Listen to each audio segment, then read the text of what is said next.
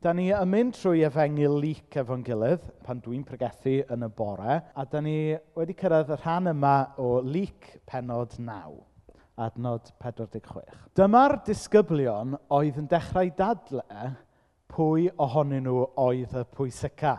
Roedd Iesu'n gwybod beth oedd yn mynd drwy ei meddyliau, ac os blentyn bach i sefyll wrth ei ymyl. Yna, meddai wrthyn nhw, mae pwy bynnag sy'n croi croeso i'r plentyn bach yma – am ei fod yn perthyn i mi yn rhoi croeso i mi.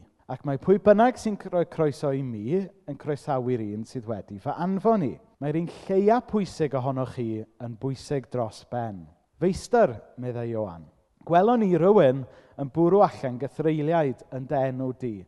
A dyma ni'n dweud wrtho am stopio, am ei fod e ddim yn un o'n criw ni. Peidiwch gwneud hynny, meddai Iesu Os ydy rhywun ddim yn eich erbyn chi, mae o'ch plaid chi. Pob tro dwi yn darllen yr adnod sydd ar ddechrau'r hanes yma, dwi yn rhyw fath o chwerthin i fi fy hun. Achos mae'r ffordd mae'n cael ei ddisgrifio, mae'n swnio'n eitha doniol yn dydy. Chi'n lli dychmygu nawr, y dynion yma yn cael rhyw fath o sgwrs byddwch chi'n disgwyl i blant bach gael. Pwy ydy'r pwysica? Neu fel mae rhai Beibl yn dweud, pwy ydy'r mwyaf? A chi dychmygu chfod dau blentyn bach yn sefyll lan erbyn y wal, pa un ohono ni sy'n mwyaf, pa un ohono ni sy'n fwyaf tal. Nath e atgoffa fi, rhai blynyddoedd yn ôl, na i ddim i enwi fe, ond oedd un boi sy'n dod i'r clwb ieuenctid yma. A mae'n hogyn reit fyr, ond oedd e eisiau gadael ni wybod bod e'n gryf. a be oedd e, e'n dweud oedd, ar prawf bod e'n un crydd oedd, dwi wedi codi dyn fforti hwnnaeth. A'r hodri'n cofio, dod, dwi wedi codi dyn 40, fel bod hwnna'n rhywbeth o benchmark, tyfod. Os ti wedi codi dyn sy'n 30, hwnna, dwi wedi codi dyn 40, a tyfod, er bod yn rhyw stocyn byr, oedd eisiau ni wybod bod o'n gryf. A mae rhywun yn gallu meddwl am rhyw storys doniol falle ynglyn â eich plentyndod chi, neu eich plant, neu eich wirion a chwyresau. Falle yn dadle, oes cael banter ymlaeth i gilydd, pa'n ti mwyaf tal, pa'n ti mwyaf cryf. A weithiau, pan ni'n darllen yr adnod yma, ni'n gallu meddwl mai jyst rhywbeth ysgafn fel yna sy'n mynd ymlaen. Ond mewn gwirionedd, mae'r adnod sy'n dechrau'r hanes yma actually yn delio gyda rhywbeth lot fwy difrifol. Mae'n delio gyda rhan o natur ddynol ni, mae pob un ohono ni rhywbryd wedi stryglo gyda fe – sef yn balchder ni. Sef y, y rhan yna o'n calon ni sydd, sydd yn prawd, sydd yn prawd o rhywbeth, sydd yn licio meddwl bod ni falle yn well, neu'n gryfach, neu'n fwy, neu, neu beth bynnag. Praid falle yw'r gair Saesneg, neu boastfulness falle. A fe allai i gyfaddau fel pregethwr, fel gweinidog, bod ni yn delio gyda'r broblem yma o falchder yn fwy nag unrhyw un arall weithiau. Pob hyn a hyn, bydda i yn mynd i diwrnodau hyfforddi neu cynadleddau gweinidogion. Ac ar rhyw bwynt yn y dydd, bydd rhywun yn gofyn, faint sy'n yn y cwrdd dy chi dydd syl dyddiau yma? A wedyn, chi'n gweld pawb yn dechrau mynd yn shifty. Rhai yn rhoi rhyw atebion ceiji, Rhai yn rhoi'r high tide mark yn ytrach na'r average congregation size. A neb yn rhoi faint iddyn nhw'r no seal yn mis tachwedd. a fi gyda'r gweitha yn eu plith nhw. Yn cofio gweinidog yn Aberystwyth, dyn o'r enw um, Jeff Thomas. Jeff yn dweud, I only count when there's a lot there. Ac um, A beth sy'n tu ôl hwnna ydy balchder, ynddo fe? Beth sy'n tu ôl e ydy praid. A wedyn ar rhyw bwynt wedyn yn yr diwrnodau hyfforddi yma da ni'n cael fel gweinidogion. I ni'n cael amser i weddio dros yn gilydd. Ond cyn i ni weddio, i ni'n cael amser falle i fod yn onest mewn lle saff ynglyn â rhai struggles falle sydd gyda ni yn y bywydau personol, rhai sefyllfaoedd anodd falle, da ni'n wynebu yn yn eglwysu. A wedyn eto, pawb yn dechrau mynd yn shifty. Neb eisiau mynd gynta. Neb eisiau dangos gwendid. Neb eisiau dangos crac. Rhai yn cadw rhyw poker face. Na, popeth yn gret. Dim problem o gwbl. Mae Dyw yn dda. A fi'n adnabod y criw sydd yna. A dwi'n gwybod bod pepeth ddim wastad yn dda. A fi'n gwybod bod na struggles maen nhw'n rebu. Maen nhw'n cadw y poker face fyny a fi yn euog o wneud hynny hefyd. Achos mae balchder yn rhwystro ni rhag bod yn onest yn dydy. Mae balchder yn rhwystro ni rhag bod yn onest gyda'n hun, onest gyda pobl eraill, ac onest gyda Dyw. A mae balchder fel rhyw fath o blisgyn, rhyw fath o groen tew sy'n tyfu o'n cwmpas ni. Ond weithiau, da ni yn gadael i'r balchder yna fynd. Da ni'n agor yn calon, da ni'n onest efo'n hunain, efo pobl eraill, efo Dyw. Ac yn y gwendid yna wedyn, mae Dyw yn gallu dechrau siarad mewn i'n bywyd ni.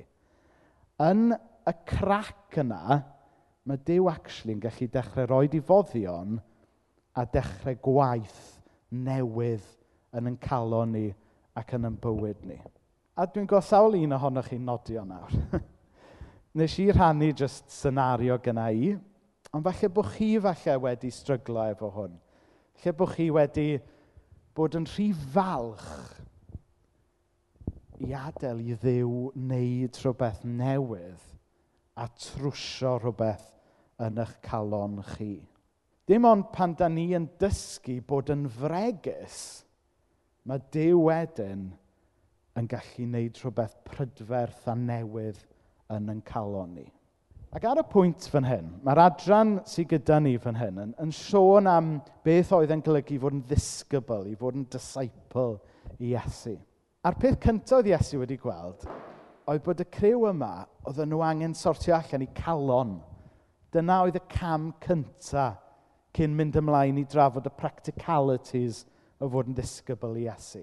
Achos os nag yw'n calon ni yn soft i adael i Iesu ddelio efo ni, sy'n pwynt i ni fynd ymlaen wedyn i drafod rhai o'r practicalities. A mae hwn yn neges i bawb.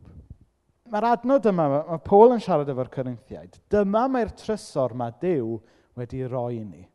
Mae'n cael ei gario gyno ni sy'n ddim byd ond llestri pryd. Ffaith sy'n dangos mae o ddiw mae'r grym anhygoel yma'n dod, dim ohono ni. Felly mae'r ddelwedd yma o'r llestri pridd, ond mae'n debyg, ddim hollol siŵr, ond oedd yna fel craciau'n dod yn y llestri pridd wrth bod nhw'n expandio ac yn y blaen. A basically, y mwyaf onest a bregus a y gwrthwyneb i balchder yda ni, y mwyaf o le wedyn sydd i oleini Duw ddangos ei yn de. Chi'n beth sy'n gyda fi? Ond y mwyaf balch i ni, y mwyaf prawd i ni, dydy Duw wedyn ddim yn cael ei le, na di? A dyma mae, mae Paul yn dweud wrth y, y Corinthiad. Wedyn beth bynnag, y, y ddelwedd arall o'n i'n meddwl amdano, oedd yn yr Hen Testament, mae Jeremiah yn cael y neges yma. Dyma'r arglwydd yn rhoi neges arall i Jeremia. Dos i lawr i weithdir crochennydd a byddai'n siarad gyda ti yno. Felly dyma fi'n mynd i lawr i'r crochendi a dyma lle roedd y crochenydd yn gweithio ar y droell. Pan oedd rhywbeth o'i le ar y potyn, roedd yn ei wneud o'r clai, byddai'n dechrau eto ac yn gwneud rhywbeth oedd yn edrych yn iawn. A dyma'r arglwydd yn rhoi neges i mi. Ydw i ddim yn gallu gwneud yr un peth i ti, wlad Israel? Rwy ti yn fy nwylo i fel mae'r clai yn nwylo'r crochennydd. Gallai i ddweud un funud fy mod i'n mynd i chwynnu a chwalu a dynistrio gwlad arbennig, ond os ydy pobl y wlad dwi'n ei bygwth yn stopio gwneud drwg, fyddai ddim yn ei dynistrio hi fel roeddwn ni wedi dweud. Dro arall byddai'n addo adeiladu gwlad neu deyrnas arbennig a'i gwneud yn sefydlog. Ond os ydy pobl y wlad honno'n gwneud drwg ac yn gwrthod gwrando arna i, byddai ddim yn gwneud y pethau da wnes i addo iddi. Nawr, dwi'n stretcho yr illustration chydig bach fan hyn. Ond yn yr Hen Testament, oedd Dyw yn disgrifio Israel fel pot o glai. Ac oedd Dyw yn gallu fatha mwldio um, Israel fel mae crochennydd yn gallu mouldio clai. A tybed, dwi'n sort of removio'r illustration allan o'i cyd-destun gwreiddiol. Tybed ydy hynna'n gallu bod yn wir amdano ni? ydy balchder falle wneud ni yn glau sydd wedi sychu a sydd wedi mynd yn galed? Nawr, dwi'n expert ar hyn, achos mae cadog bach ni yn pleido land ar hyn o bryd. Clau ydy pob dim. Ganol bit o bwyd eisiau clau. Deffro'n y bore, clau. A mae jyst eisiau clau trwy'r amser. Ond wrth gwrs, mae, achos bod eisiau clau trwy'r amser, ac achos bod fi yn dad hopeless, fi'n anhofio roed y clau nôl yn y pot. A wedyn mae'n sychu allan a mae'n mynd yn galed. Ac unwaith mae clai yn mynd yn galed, chi methu i moldio fe wedyn. Tybed ydy balchder yn neud ni yn gerig caled, lle mae gonestrwydd yn neud ni yn glau mae Dyw wedyn yn gallu i moldio i sut mae e eisiau ni i fod. Tybed ydy yn balchder ni, jyst, da ni fel cerig caled weithiau wrth bod ni'n meddwl bod ni'n well na rhywun arall, wrth bod ni'n meddwl bod ni'n well... Tyfa, be bynnag yw problem yn balchder ni, be bynnag ydy'r stumbling stone. Ond mae Dyw yn galw ni i fod yn fregus, i fod yn ostynedig, i fod fel clai mae fe wedyn yn gallu mwldio rhywbeth prydferth allan ohono. I ni gael yn mwldio i fod y disgyblion a'r bobl mae e eisiau ni i fod. Nawr yn yr um, adnodau yma, mae, mae e'n siarad am hanfod beth ydy bod yn ddisgybl. Roedd Iesu'n gwybod beth oedd yn mynd trwy ei meddyliau, a gosododd blentyn bach i sefyll wrth ei hymyl, yna meddai wrthyn nhw. Mae pwy bynnag sy'n rhoi croeso'r plentyn bach yma am ei fod yn perthyn i mi yn rhoi croeso i mi. Mae pwy bynnag sy'n croeso i mi yn croesawu'r un sydd yn fanfo ni. Mae'r un lleia pwysig ohonoch chi yn bwysig dros ben. A da ni'n mynd i fynd i edrych tro nesaf ar practicality hwn. Ond o'n i jyst eisiau dechrau bore yma gyda jyst edrych ar y galon yn dyfa. E? Achos os ydy'r galon ddim yn y lle iawn, sy'n pwynt i ni fynd yn bellach. Oedd Iesu eisiau gweld fod i ddisgyblion e yn bobl oedd y calon ddysgu ganddo fe ac i'w ddilyn e. Nawr mae rhai ohonoch chi sy'n athrawon. Dwi'n gwybod bod yna o leia un, dau, cwpl o athrawon yma. Mae'n siŵr bod gyda chi rhai disgyblion sydd yn teachable, ond bod gyda chi ddigon o ddisgyblion sydd yn unteachable hefyd. Rhai falle yn unteachable achos bod nhw jyst yn ddrwg, ond rhai sydd falle yn unteachable achos maen nhw'n meddwl bod nhw'n gwybod y cyfan, y smart asses yma i gyd. Ac nes i ffeindio cwpl o memes. Know it all kids is talking to the teacher. Wake me up when class is over. Well, not according to Wikipedia. Oh, so you think you know it all. You must be so popular. Ac, um, a to, mae yna rai, dwi'n gallu meddwl, a probably yn ysgol, o'n i probably un o'r rhaid. Confession is good for the soul.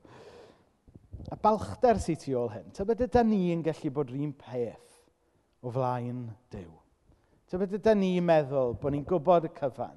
Ni wedi bod yn rhan o eglwys as bod ni'n ifanc. Ni'n gallu dweud, tybo, ni'n gwybod storys y Beibl falle.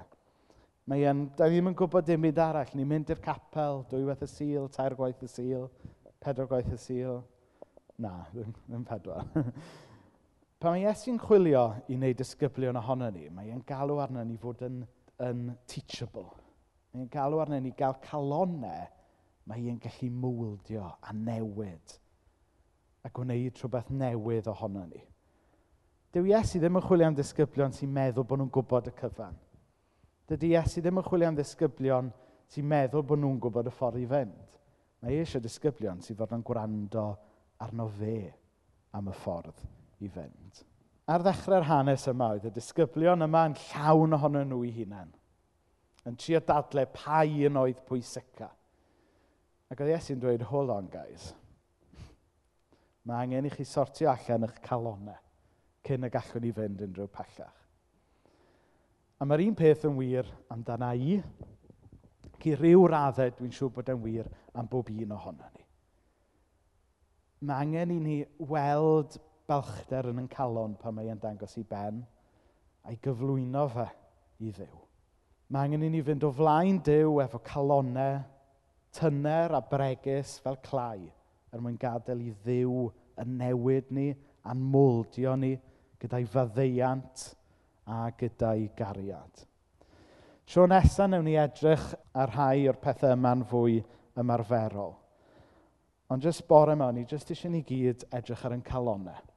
I weld os oedd ganddo ni, os oedd yn calon ni yn y lle iawn – i gael yn mwldio a'n siapio i fod yn ddisgybl i Iesu. Gewn ni godi ar yn traed i weddio. O ddiw dad, i ni yn um, dod o dy flaen di nawr a just helpa pob un ohono ni feddwl am yr amseroedd yna le ni falle wedi bod yn falch. Le ni wedi bod yn prawd. Le ni wedi bod Gadael i'r fi fawr yna siapio ni. O ddiw dad yn arbennig gadw ni feddwl am yr amseroedd yna lle ni wedi bod fel yna o dy flaen di. I ni'n gofyn i ti ddelio gyda'r balchder yna yn yn bywyd a'n calonau ni gan ddiolch bod ti ar y groes wedi cynnig maddeiant i ni am yr holl droion yna i ni wedi gadael i'r fi fawr reoli. O ddew dad, gad i ni ddysgu bod yn bobl a calon agored.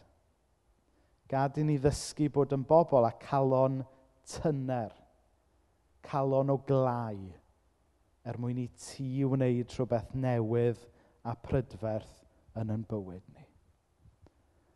O ddew, da ni yn hiraethu, da ni isio bod yn ddisgyblion gwell i ti.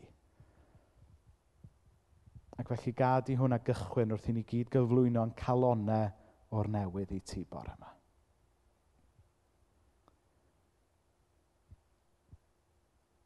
O ddiw dad, dysgu ni fod yn onest gyda ni yn hunain, gyda'n gilydd a gyda ti, er mwyn rhoi lle i ti weithio yn ein bywyd.